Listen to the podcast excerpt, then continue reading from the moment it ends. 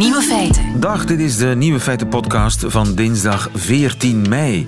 In het nieuws vandaag dat het Russische ministerie van Defensie op haar tv-kanaal iemand heeft geïnterviewd die al drie jaar dood is.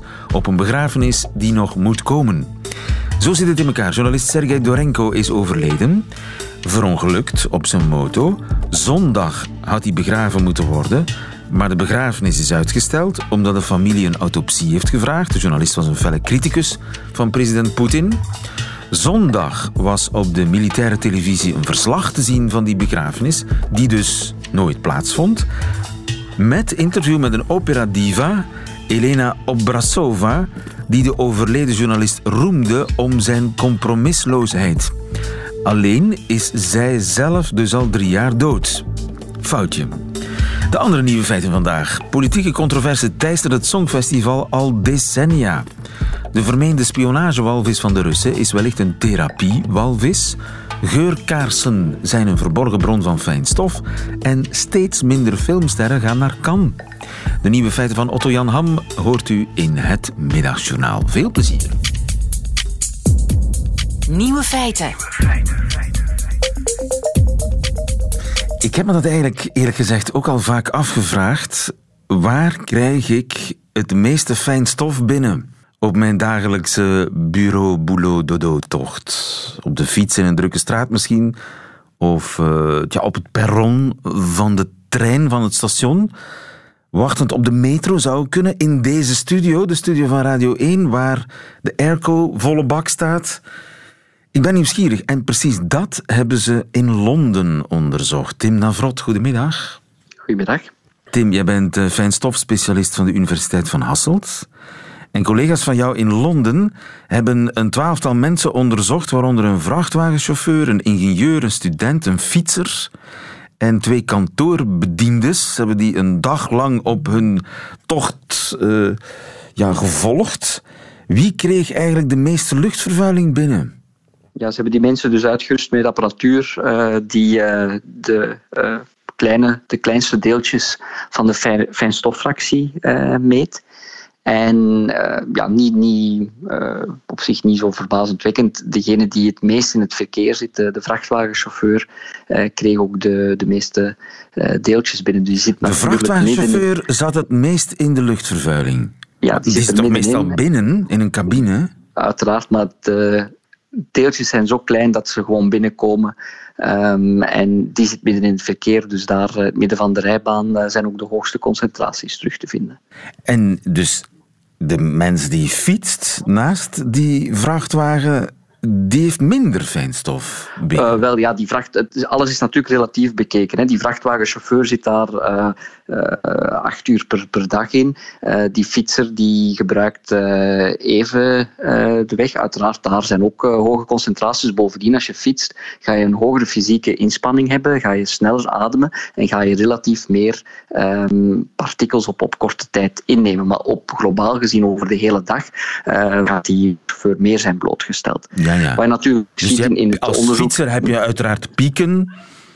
En heb je er waarschijnlijk baat bij om die drukke, drukke wegen te vermijden? Om liever een, een blokje dat, om te rijden? Ook, ja, daar laten ze ook zien. Uh, 90% van de blootstelling kan vermeden worden indien dat je rustigere routes kiest binnen de stad. Dus er is een enorme variatie aan, aan concentraties binnen de stad. Echt die piekblootstellingen die zijn vlak naast de wegen. Um, dus als je eigenlijk daar uh, ja, 100 meter af kunt blijven, ja, ja. Uh, zie je heel andere um, me uh, meetwaarden. En dat zien we ook bijvoorbeeld in Antwerpen als we met zo'n toestel rondlopen. Hè, rond de single zie je pieken van ja, 500.000 deeltjes per kubieke centimeter. ga je naar rustige straten met weinig verkeer, dan valt dat terug in, in, in de stedelijke achtergrond van, ja, van minder dan Dus het loont zeker de moeite, want in mijn geval, ik neem de kortste weg. Ja, helaas langs de Leuvense Steenweg hier in Brussel. Dat is eigenlijk een slecht idee. Ik zou veel beter uh, tien minuten langer rijden, maar dan langs rustige straten. Als er alternatieven zijn, zou ik dat zeker ja. aanraden. Ja. Nu, in de auto, we hadden het over een vrachtwagenchauffeur, in de auto heb je dus vaak slechte lucht. Ja, dat klopt. Uh, dat in, een, in een wagen kunnen, ja, kunnen meer dan een half miljoen tot een miljoen deeltjes per kubieke centimeter zijn. Dus ja, ze komen binnen en ze geraken er eigenlijk slecht uit. Ze, ze stapelen op. Ehm, maar wat het onderzoek ook bijvoorbeeld liet zien, is dat, dat je duidelijk enorme piekconcentraties hebt, bijvoorbeeld in metrostation. Ook daar niet verbazen. Uh, het is een gesloten ruimte. Uh, de sporen die, die slijten en dat geeft ook uh, deeltjes af. Dus dat waren ook een van de hoogste blootstellingen. Ja, maar gelukkig sta je daar meestal toch niet al te lang te wachten op je metro. Ja, maar in de auto moet ik mij dan bijvoorbeeld van zodra ik in file sta of in een tunnel kom, de luchtcirculatie echt afzetten? Want daar, daar heb je een knop voor ja, uh, dat kan een stukje helpen. Um, maar ja, vaak zit je, je kunt moeilijk altijd de luchtcirculatie uh, afzetten. Maar inderdaad, binnen in files of in tunnels uh, zou ik dat wel doen. Ja, ja. En thuis, binnen? Wel, daar lieten ze zien dat kaarsen, en dat is een beetje hetzelfde verhaal als de metro, gesloten ruimte, ook daar krijg je enorme pieken wanneer dat er kaarsen branden. Um, en dat uh, hebben wij zelf bijvoorbeeld ook gemeten, dat je ja, uh, tot tien keer meer uh, deeltjes gaat krijgen in de woonkamer wanneer dat er kaarsen ehm, worden aangestoken. Of van, tijdens het branden van kaarsen. Maar ik mag toch nog wel af en toe kaarsje aansteken? Uh, wel, uh, ik, uh, het gaat hier inderdaad om korte momenten. als het kan zou ik zeggen van ventileer voldoende, zet er een raam bij open um, en zet niet te veel kaarsen. het gaat hier natuurlijk allemaal voor piekblootstellingen en, en, zoals u zegt ook bij de metro. bovendien is de toxiciteit van die deeltjes niet allemaal dezelfde. er is ook onderzoek dat ze stofdeeltjes van de metro verzamelen van langs drukke verkeerswegen en dan aan celculturen gaan toedienen. En zie je dat uh, de samenstelling wat uh, uit het verkeer komt, waar meer roet op zit, uh, dat daar ook meer toxiciteit ja, ja. geeft het is een, dan die genuanceerd verhaal. Maar toch ja. een paar verrassingen voor mij in dit onderzoek. Ik ga mijn gedrag aanpassen. Dankjewel, Tim Navrot. Goedemiddag. Graag gedaan. Nieuwe feiten. Ja, het Songfestival. Is dat wel zo apolitiek als vaak wordt beweerd?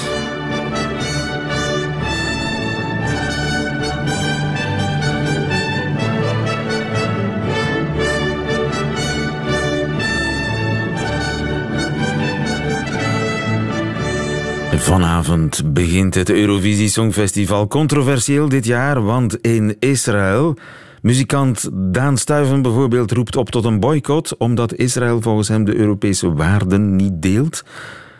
Argument van de tegenstanders van die boycott: het Songfestival is apolitiek. Maar de geschiedenis van dat festival geeft een heel ander beeld. André Vermeulen, goedemiddag. Goedemiddag, lieve. André, jij bent in Tel Aviv, uiteraard, waar vandaag het uh, Eurovisie Songfestival begint. Als we even terugkeren in de tijd en op zoek gaan naar politieke controverse rond het uh, festival. 1961 bijvoorbeeld was een moeilijk jaar hè, voor België. Ja, dat was voor België een moeilijk jaar, omdat uh, onze kandidaat uh, Bob Benny, uh, toen hij daar landde, dat heeft ze bij dikwijls verteld, toen hij landde in Cannes, waar het Songfestival plaatsvond, daar stonden journalisten klaar die hem vroegen wat een Belgische kandidaat er eigenlijk kwam doen. Want dat was het moment waarop België militair had ingegrepen in zijn oud-kolonie Congo. En door een groot deel van de wereld werd dat veroordeeld en bekritiseerd. En Bob Benny kreeg dus inderdaad maar één punt op dat Songfestival één punt van Luxemburg. Voor de rest werd hij eigenlijk geboycott met dit nummer. Moeten wij gaan scheiden, ons hart wordt stil en broos. Wanneer wij weer zien bloeien, september, oude Boycott Bob Benny was toen het codewoord. En eh, bijna alle landen hebben er zich aan gehouden. Wij, Belgen, werden geboycott op het Eurovisie Songfestival wegens onze Congo-politiek. 1961. En dan, in 1968 ging het ook weer fout, hè? Ja, dat was een jaar waarin van alles rond Spanje en, uh, te doen was. Spanje en Portugal, dat waren twee dictaturen in die tijd. En als er al politieke herrie was op het Songfestival, was dat uh, meestal uh, rond uh, die dictaturen dan dat dat ging. in 68 zou voor Spanje een Catalaanse zanger gaan, Joan Manuel Serrat, een heel bekende uh, zanger in uh, Spanje, nog altijd een soort Jacques Brel eigenlijk. Hij zou het liedje La La La zingen in het Catalaans, maar dat mocht natuurlijk niet van de Spaanse dictatuur, van generaal Franco. En dus werd een ander zangeresje gekozen, Maciel, om La La La in het Spaans te zingen. Maar Spanje zou tegelijk, om zich te verzekeren van de overwinning, ook beloofd hebben aan, om een Duitse systeem voor de kleur-tv die toen werd ingevoerd aan te kopen. En, en dat in ruil voor punten. En de Duitse jury heeft inderdaad opvallend veel punten gegeven aan Spanje en zo die Maciel aan de overwinning gehouden, waardoor de Britse kandidaat Cliff Richard toen maar tweede was met congratulations. Congratulations van Cliff Richard had eigenlijk in 1968 moeten winnen en was waarschijnlijk ook gebeurd, waar het niet dat de Spanjaarden de Duitsers hadden omgekocht. En dat is echt waar, dat is bevestigd, dat is geen roddel. Ja, daar is een eh, onderzoek rond geweest later dat dat bevestigd heeft. Ik heb nog altijd een beetje mijn twijfels of dat wel heel zeker zo gebeurd is. Maar in elk geval, daardoor heeft Spanje dan ook het jaar erop het Songfestival kunnen organiseren. En daar heeft dan uh, de dictatuur van toen wel echt alles uit de kast gehaald om het Spaanse toerisme te promoten. Bijvoorbeeld door journalisten reisjes aan te bieden tijdens die Songfestivalweek naar Mallorca om daar even in de zon te gaan liggen. Uh, ja, om, een vriendelijk beeld van Spanje uh, op te hangen aan, aan West-Europa, want dat was het enige deel van de wereld dat toen deelnam aan het Songfestival. Hè. Maar uh, er was ook protest tegen het Songfestival in Spanje toen, maar uiteindelijk bleef alleen Oostenrijk thuis. Alleen Oostenrijk bleef thuis. Dit is La La La, dus het, nummer, het controversiële nummer waarmee Spanje in 1968 won.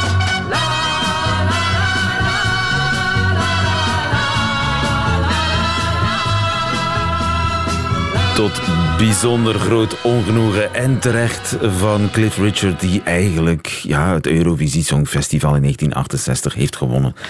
Maar zo staat ja, hij was wel de, de, commerciële winnaar, dat was hij wel. De commerciële winnaar. De meeste, plaatjes, meeste plaatjes verkocht. Maar een van de geweldigste verhalen is toch Italië 1974, hè? Ja, dat is een prachtig verhaal. Dat lied uh, werd gezongen door Gigliola Cinquetti, die tien jaar tevoren het Songfestival had gewonnen met Non Oleta. Ben je nog? kwam terug naar het Songfestival met een liedje dat gewoon Si heet. En uh, de dag na het Songfestival Oei, André, André, ik hoop dat we jou niet verlezen. Eh, eh, André, laten we eerst eens luisteren en hopen dat de verbinding beter wordt. Misschien kun je ergens naar een raam stappen of naar de buitenkant van het gebouw. Dan luisteren wij intussen naar ach, Gio, Gigliola, Cinquetti en Si.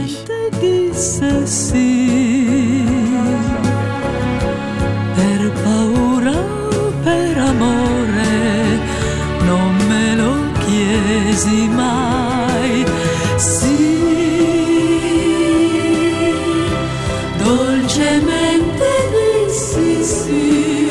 Hebben we jou weer, André? Ik hoop het liever, ik ja, sta bij het raam. Ik hoor jou heel helder. Dus dat nummer klinkt zeer onschuldig, zie, maar daar was iets mee.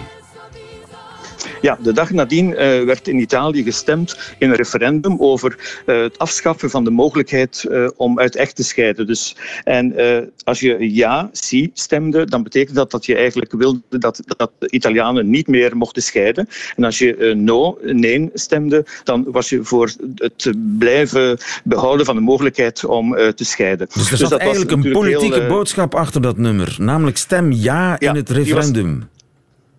Ja, maar die was niet bedoeld. Hè. Dat was gewoon toevallig. Het kwam zo uit dat dat lied toen was, toen was gekozen en dat er daar dat referendum was. En wat is er dan gebeurd? Het liedje werd sowieso op de radio in Italië verboden, omdat het te veel naar één richting eh, aanstuurde. En het Songfestival zelf is toen een week later, dus met een week uitstel, pas op de Italiaanse tv te zien geweest. Dat zou nu allemaal niet meer kunnen, omdat we alles via internet toch zouden te weten komen.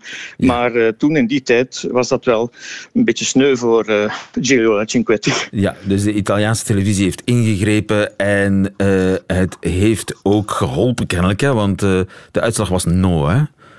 In uh, ja, 1974 was dat. Ja. En zo zijn er talrijke ja. verhalen. Er was toen, er was toen, er was toen nog zo'n lied, hè, een Portugees lied van het jaar, de Pois do Adeus. Dat was eigenlijk ook heel onschuldig, maar dat is na het Songfestival nog gebruikt als startzijn voor de Anje-revolutie. Dat kwam op de radio en dan wisten de opstandige militairen, het alles gaat door zoals gepland, want dit liedje van het Songfestival is op de radio. Ja, ja. Maar dat was eigenlijk puur toeval. Dat had uh, in principe niets met de politieke boodschap, al dan niet vermeend, van uh, Eurosong te maken. Nee, niet echt. Nee, nee, nee. Want eh, bij de organisatie, bij Eurosong, doen ze hun uiterste best om het zo apolitiek mogelijk te maken. Dat doen ze in theorie inderdaad wel, maar dat lokt natuurlijk veel kritiek uit. Er zijn altijd mensen die vinden, ja, je kunt dit niet zomaar laten passeren. Bijvoorbeeld dit jaar ook uh, wat er aan de hand is in Israël. Hè. Er is hier uh, een, zijn bezette gebieden al heel lang. Daar is uh, bij vorige songfestivals in Israël al tegen geprotesteerd, maar dat heeft eigenlijk nooit tot een echte boycott geleid. En ook dit jaar, uiteindelijk is er geen boycott tot stand gekomen. Hoewel in het begin, na het songfestival van vorig jaar, leek, het leek erop dat toen in Scandinavië wel een beetje iets op gang kwam. Maar uh, dat is uiteindelijk toch niet uh, gelukt. Er zijn artiesten die een petitie hebben getekend. Maar uh, ja, er zijn hier nu wat kleine schermutselingen soms, kleine opstootjes met weinig volk eigenlijk ook. En ja, dat heeft niet... Het brengt natuurlijk de problematiek in de belangstelling, maar echt iets veranderen doet het niet natuurlijk. Wint Nederland dit jaar, André? Zoals iedereen denkt?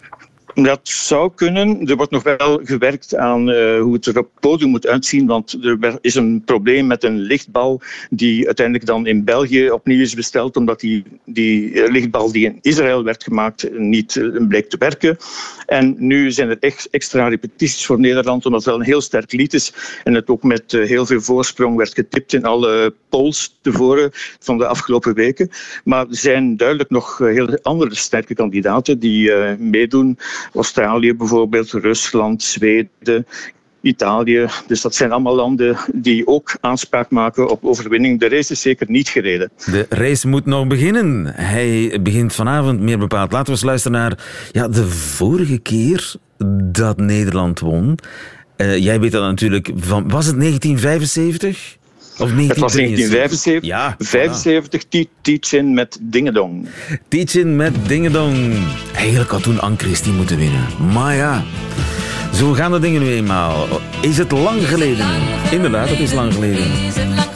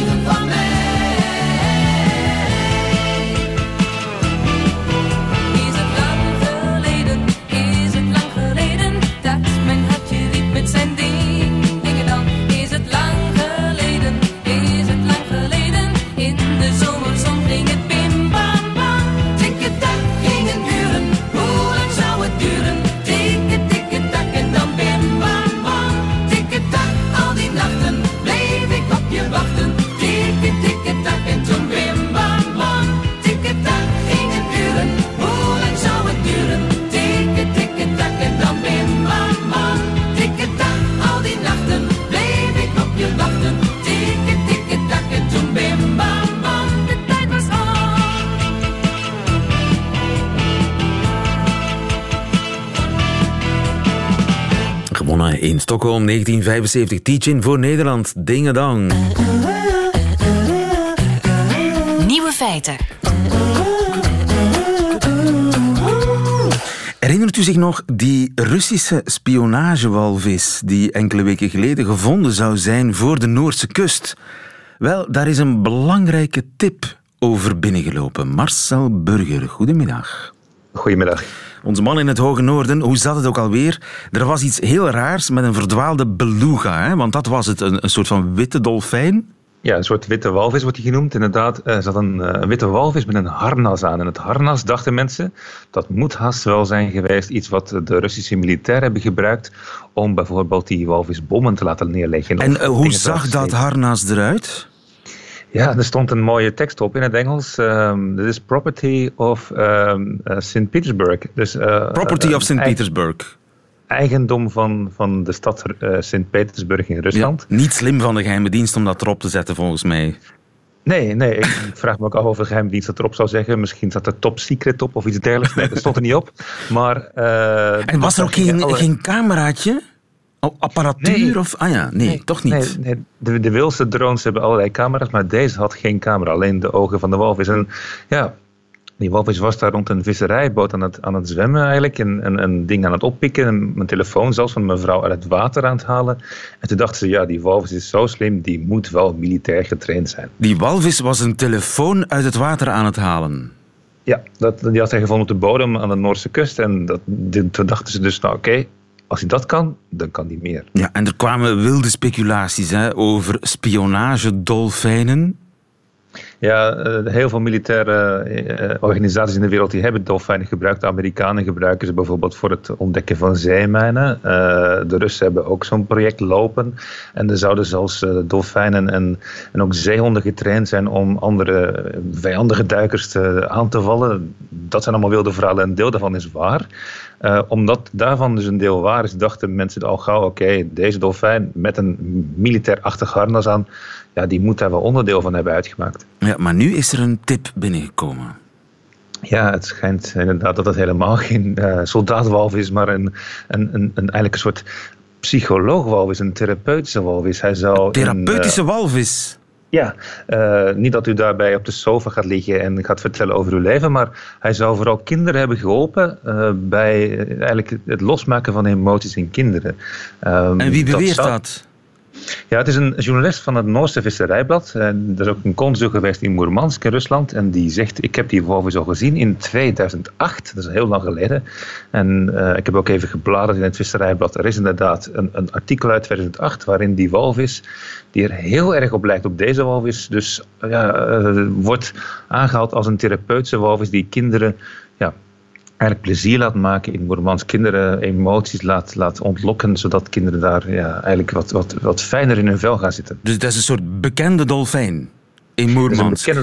Ja, het is een bekende dolfijn. Dat is 2008 heel lang geleden. Maar die dolfijnen, die witte walvissen, die kunnen dus vrij oud worden. In gevangenschap zo'n 50 jaar. Uh, als die vrij zijn, 30 tot 35 jaar is wel gebruikelijk. Dus er zou inderdaad dezelfde dolfijn kunnen zijn geweest die in 2008 al in de krant heeft gestaan in Noorwegen. En die therapiewalvis die, die zwemt gewoon in een soort van dolfinarium en die is bedoeld om getraumatiseerde kinderen weer gelukkig te maken. Ja, eigenlijk wel. En hij schijnt dus ontsnapt te zijn. Uh, dat is dan de, de nieuwe theorie. Uh, en het gek is, daar heeft niemand nog iets van gezegd. Niemand in Rusland. Maar ja, daar zijn ook misschien redenen voor. Als u een dolfijn per ongeluk laat ontsnappen, dan misschien dat u zich daarvoor schaamt en, en dus niks daarover zegt. Dus hij is niet geclaimd door niemand. Dus hij is, hij is vrij. En waar is hij nu? Ja, hij zwemde rond uh, langs de Noorse kust uh, in, in, het hoge noorden daar. De Noorden hadden eigenlijk een plan om hem ergens in een, in een soort open zee reservaat te gaan stoppen. Samen met twee Chinese witte walvissen die uit gevangenschap zijn gehaald. Maar het laatste nieuws is toch dat de Noorden hem eigenlijk gewoon vrij laten zwemmen. Zouden wel een klein beetje in de gaten.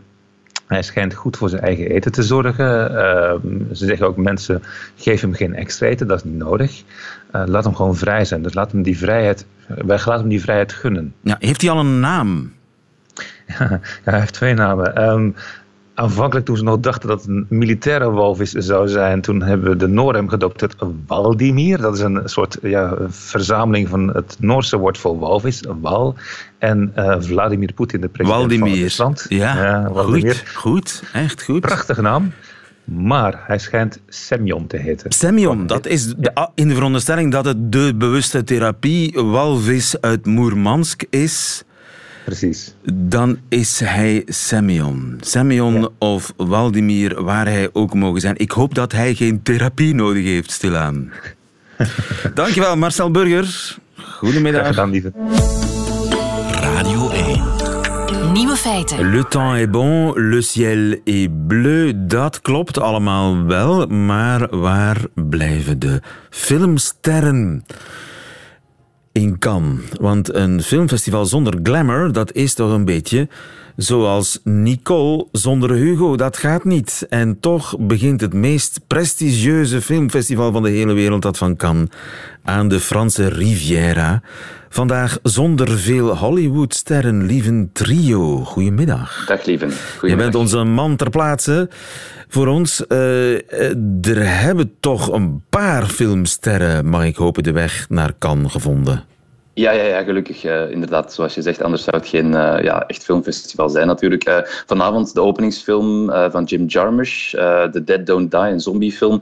Daarin zie je dan Bill Murray, Tilda Swinton, Selena Gomez en zo. Die zullen hier ook op de rode loper staan. Dus er zal hier wel degelijk glamour te, te, te halen zijn. Ook heel last minute nog werd er ja, misschien wel de meest gehypte film van het festival bij aangekondigd. En dat is Once Upon a Time in Hollywood van Quentin Tarantino. Ja. En dat is met Brad Pitt en Leonardo DiCaprio de hoofdrol. Dus dat is ja, veel groter dan dat wordt het natuurlijk niet. hebben bij de directie van het filmfestival. Leonardo DiCaprio. Eh, DiCaprio. Ja, ik heb één keer DiCaprio gezegd voor de grap en ik zeg, ik blijf het Leonardo DiCaprio en uh, Brad Pitt die komen. Want anders was het maar een mager beestje qua glamour, hè? Ja, het is inderdaad toen de selectie bekend werd gemaakt, uh, half april, uh, dan stond er dus nog niet die film van Tarantino op. Uh, en dan ja, klonk het toch hier en daar van, hmm, waar zijn de sterren? Want was natuurlijk, de, de, de line-up is heel kwalitatief, of potentieel kwalitatief toch. Veel ja, interessante filmmakers, films die waarschijnlijk weer heel goed zullen zijn, dus daar, daar niet van. Maar ja, um, de bekendheid van, van, de, van de acteurs en de, de, de, ja, de sterren die hier op de rode loper zullen komen, die ja, sloeg toch een klein beetje tegen. Dus in, in die zin is het festival inderdaad een beetje gered door die uh, Tarantino-film. Maar vroeger was het wel helemaal anders. Hè. Toen uh, paradeerde Le Fine Fleur de Hollywood over de croisette met fotografen overal. Het was het, een soort ja, toppunt van glamour. Ja, absoluut. Ja, ja. Het was hier een beetje een tweede thuis uh, voor, voor Hollywoodsterren. Uh, als je kijkt naar, naar de allereerste editie van het filmfestival in 1946, toen zaten er acht Amerikaanse films hier in de competitie. En dan had je bijvoorbeeld ja, de films van, van, van Hitchcock, van Billy Wilder, van George Cukor, die hier allemaal samen in de competitie zaten. Dat is natuurlijk een, een, droom. Uh, en ook ja, als je gaat kijken naar het lijstje van, van de winnaars van de Palme d'Or, over heel de geschiedenis zijn dat er 17 die uit Amerika komen. dus dat is toch wel heel wat. Dat is meer dan eender welk ander land. Uh, vooral in de jaren 70, hè, dat, was, dat was New Hollywood met Scorsese en Coppola en zo dat ook kwam. Toen uh, zijn er, is er vijf keer een Amerikaanse uh, Gouden Palm geweest op tien jaar tijd. Dus de helft van de keren was het een Amerikaan. Dus ja, um, het is inderdaad ooit wel beter geweest. Maar, maar wat nu, is er veranderd? Wat is er ja, gebeurd? Uh, ja, verschillende dingen. Het is een, echt een combinatie van verschillende factoren. Ik denk dat ja, een van de dingen die je misschien wel kan zeggen, is dat uh, het festival hier heeft wel de reputatie, door de grote aanwezigheid van Franse journalisten, dat er nogal brutaal kan omgesprongen worden met, met de films die hier worden voorgesteld. Uh, de Fransen zijn heel erg mondig. dat merk je vaak. als, als, als de film hun niet zint, dan durven ze wel eens gewoon tijdens de film of op het einde heel erg beginnen roepen. Die film gewoon ja, uitjouwen. Hè. Dat is iets dat, dat, dat hier in kan wel, daar lijkt ze een patent op te hebben. Op andere filmfestivals is dat veel minder. Um, dus en dat, echt, kan natuurlijk... dat is echt iets typisch Frans. Dat gebeurt dat ook heel op typisch, uh, ja, theaterfestival in Avignon. De Fransen ja. roeren zich. Het publiek roert inderdaad. zich. Gaat luidkeels, roepend, verlaat iemand de zaal. Dat kan. Midden in een stuk. Ja, dat kan, zeker en vast. En dat is natuurlijk voor Hollywood niet fijn, want als zij hier een film lanceren, uh, dan, dan, dan geven zij hier het festival de glamour wel, van, van, de, van de sterren en van het prestige. Maar we krijgen ze in, in ruil ja, soms een heel ondankbaar publiek. Ja, en, ja, en dat, besch dat beschadigt hun film natuurlijk. Dus, dus enfin, dat is iets dat misschien met de tijd, uh, dat pikken ze misschien gewoon Ja, niet meer. misschien zijn er ook veel meer films dan vroeger. Dat is absoluut zo. Hè. Um, er zijn meer films, er is in het algemeen ook gewoon meer uh, entertainment. Um, en ja, dat heeft dan ook wel een gevolg misschien op, op, op de, de, de Oscars. Want um, ja, het is natuurlijk een hele tijd die verstrijkt tussen Cannes En de Oscars. Cannes is in mei en de Oscars zijn volgend jaar uh, maart. Dus ja, dat, als je een film wil lanceren en, in Cannes en tegelijk kans wilt maken op de Oscars, dan zit daar een heel erg lange tijd tussen. Vroeger was dat niet zo erg, want ja, dan kon je zo'n bus wel, wel gaande houden. Uh, Omdat er minder films waren. Als de film goed genoeg was. Inderdaad, minder films, minder afleiding, laten we zeggen. Minder, uh, ook Netflix bestond niet, uh, allerlei games, weet ik veel wat. Um, dus dan, dan kon je wel die tijd gewoon even overbruggen. Nu is dat veel moeilijker geworden. Je, je moet veel meer geworden. vechten. Ja, ja, ja, ja, absoluut. Ja. Ja, ja, ja. En dus je, het is veel meer vechten om iets onder de aandacht te houden. En dat heeft eigenlijk ja, het gevolg gehad bijvoorbeeld nu het filmfestival van Venetië veel populairder is geworden bij uh, Hollywood. Dus... Um, daar stellen ze nu eigenlijk veel liever de films voor die naar de Oscars zullen gaan. En dat werkt ook heel erg goed. Dat merk je aan uh, ja, de, de, edities van de afgelopen jaren. Dan had je Gravity, Birdman, uh, Roma. Hè, dat is nu, nu geen Hollywoodfilm, maar wel, uh, ja, die heeft ook wel op de Oscars heel goed gescoord. Ging in première in Venetië. The Shape of Water enzovoort. Ze hebben de afgelopen jaren echt... Ze zijn een beetje de hofleverancier van de Oscars geworden. Ah, ja. En vroeger ja, is dat toch... En kan ja, het was pech, ze komen te vroeg. En zit, Ja. zit zo Harvey Weinstein daarvoor iets tussen en die hele beweging rond anti... Ja, Ja, op een... Op een op- decolleté-toestanden. Indirect zou je kunnen zeggen dat de figuur Harvey Weinstein er wel voor iets tussen zit. Eh, Het is een beetje speculatie natuurlijk, maar Harvey Weinstein was een heel erg grote fan van Cannes. Die was hier elk jaar of zo. Ehm, ik heb hem hier zelf ook verschillende keren zien zitten in de zaal in zijn, eh, in zijn smoking. Ehm, en natuurlijk deed hij hier zeer onfrisse dingen. Dat is dan achteraf gebleken. Hij heeft eh, verschillende vrouwen hier aangerand op zijn hotelkamer. Maar anderzijds was het ook een belangrijke speler in de filmwereld natuurlijk. Anders zou hij niet zo groot geworden zijn. Hij, ehm, ja, stelde hier, hij bracht gewoon heel veel verschillende grote films naar Cannes. Hij was bijvoorbeeld de grote man achter Tarantino. Eh, hij heeft Pulp Fiction naar hier gebracht, eh, die dan de Gouden Palm heeft gewonnen. En zo kan je nog wel even doorgaan. Hij, heeft Ja. veel, hij, brengt, hij bracht Hij was eigenlijk een van de helden van Cannes. En sinds Ja. hij gevallen is, ja, is Cannes een beetje meegevallen. Ja, dat, is zeker een, dat lijkt mij toch een onderdeel van het, eh, van Ja. het probleem, laten we zeggen. En voorlopig weinig redding in zicht, hè, want je kunt Cannes moeilijk eh, na de zomer organiseren. Dat zou Nee, nee, absoluut. zijn. Ja, ja, inderdaad. Ja. Maar dat, ja, misschien, misschien, vind, ja, misschien focust kan nu ook misschien gewoon minder op die films. Ik weet het niet. Ja, het is eh, een, een, een ja, verandering van het landschap. Maar de zon schijnt, het weer is mooi, de films ook. En eh, Brad Pitt komt en Leonardo DiCaprio, dus voorlopig is eh Cannes gered. Hartelijk Ja, dank inderdaad. voor ons ter plaatse in Cannes, lieve trio. Goedemiddag. Graag gedaan. Nieuwe feiten. Middagjournaal. Beste luisteraar, aanstaande zondag, amper vijf dagen hier vandaan, loop ik de 20 kilometer van Brussel. Ik zeg het nu wel vrij stellig, maar ik hou toch nog graag een slag om de arm. Ik heb mijn sportschoenen al een hele tijd niet meer aangehad en ik ben al dagen aan het denken aan een geldig excuus om af te haken. De laatste keer dat ik gelopen heb was ter gelegenheid van de Antwerp 10 Miles in Antwerpen. De firma Woestijnvis, waar ik bij momenten vrij werkzaam ben, wou een team afvaardigen en in een vlaag van overschatting had ik mij opgegeven. Ik had nog nooit eerder deelgenomen aan een loopevent, laat staan aan de Antwerp 10 Miles, en dat viel ook wel op. Mijn jas mocht ik bijvoorbeeld van mijn collega Thijs niet aanhouden, want ik zou het veel te warm krijgen onderweg. Dat was een tegenvaller, want in grote menigte ben ik nogal gehecht aan een capuchon of een muts of iets dergelijks. Ik weet dat u het niet zou zeggen, lieve luisteraar, maar ik ben erg schuchter in het echt. Het liefst van al kom ik niet te vaak in het echt. Hoe minder, hoe liever eigenlijk. Zonder jas voelde ik me erg naakt. En dat gevoel werd versterkt doordat het shirtje dat ik droeg nogal aan de krappe kant was. Maar ja, we hadden afgesproken dat we in ruil voor een door het bedrijf betaalde deelname aan de Antwerp 10 Miles in Antwerpen op zijn minst wel een truitje van de zaak moesten dragen. Hoe weinig flatterend ook.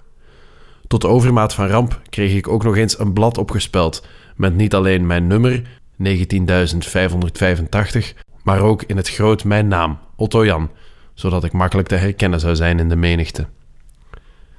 Ik zag er eigenlijk niet uit. Het was erg jammer dat ik die conclusie pas trok op een stijf kwartier voor de start, toen ik werkelijk nergens meer heen kon. Om mij heen zag ik alleen maar mooiere mensen in geloofwaardige sportoutfits. Ik keek naar beneden via mijn te strakke shirt naar mijn veel te losse short. Tot mijn eigen afgrijzen zag ik de contouren van mijn piemel. En dan was ik nog niet eens in beweging. Dat moest nog alle kanten heen bengelen. Hoe moest ik dat nu weer gaan controleren? Dat ging niet. Bovendien zou ik het al te druk hebben om mijn buik 10 miles lang in te houden. Ik wou het zo snel mogelijk op een lopen zetten. Dan was ik eerder thuis.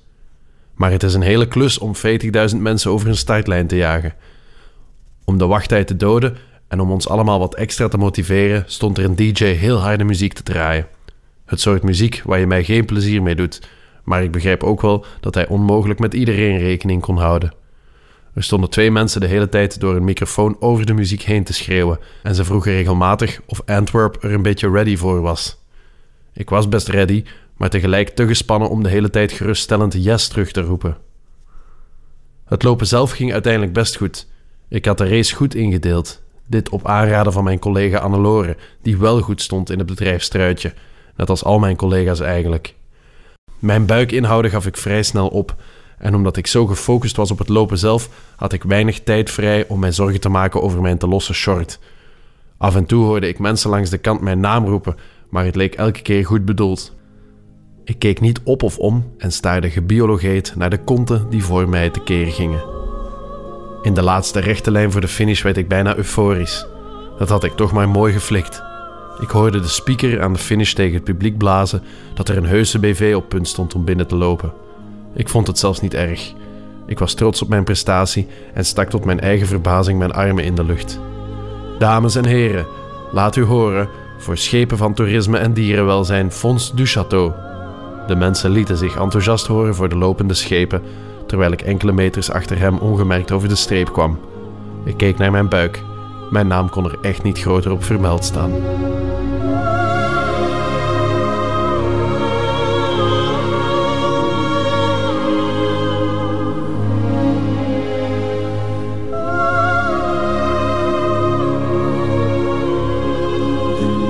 Otto-Jan Ham, tragisch in het middagjournaal. Einde van deze podcast, maar u vindt er nog veel meer op radio1.be en op de podcastkanalen. Tot volgende keer.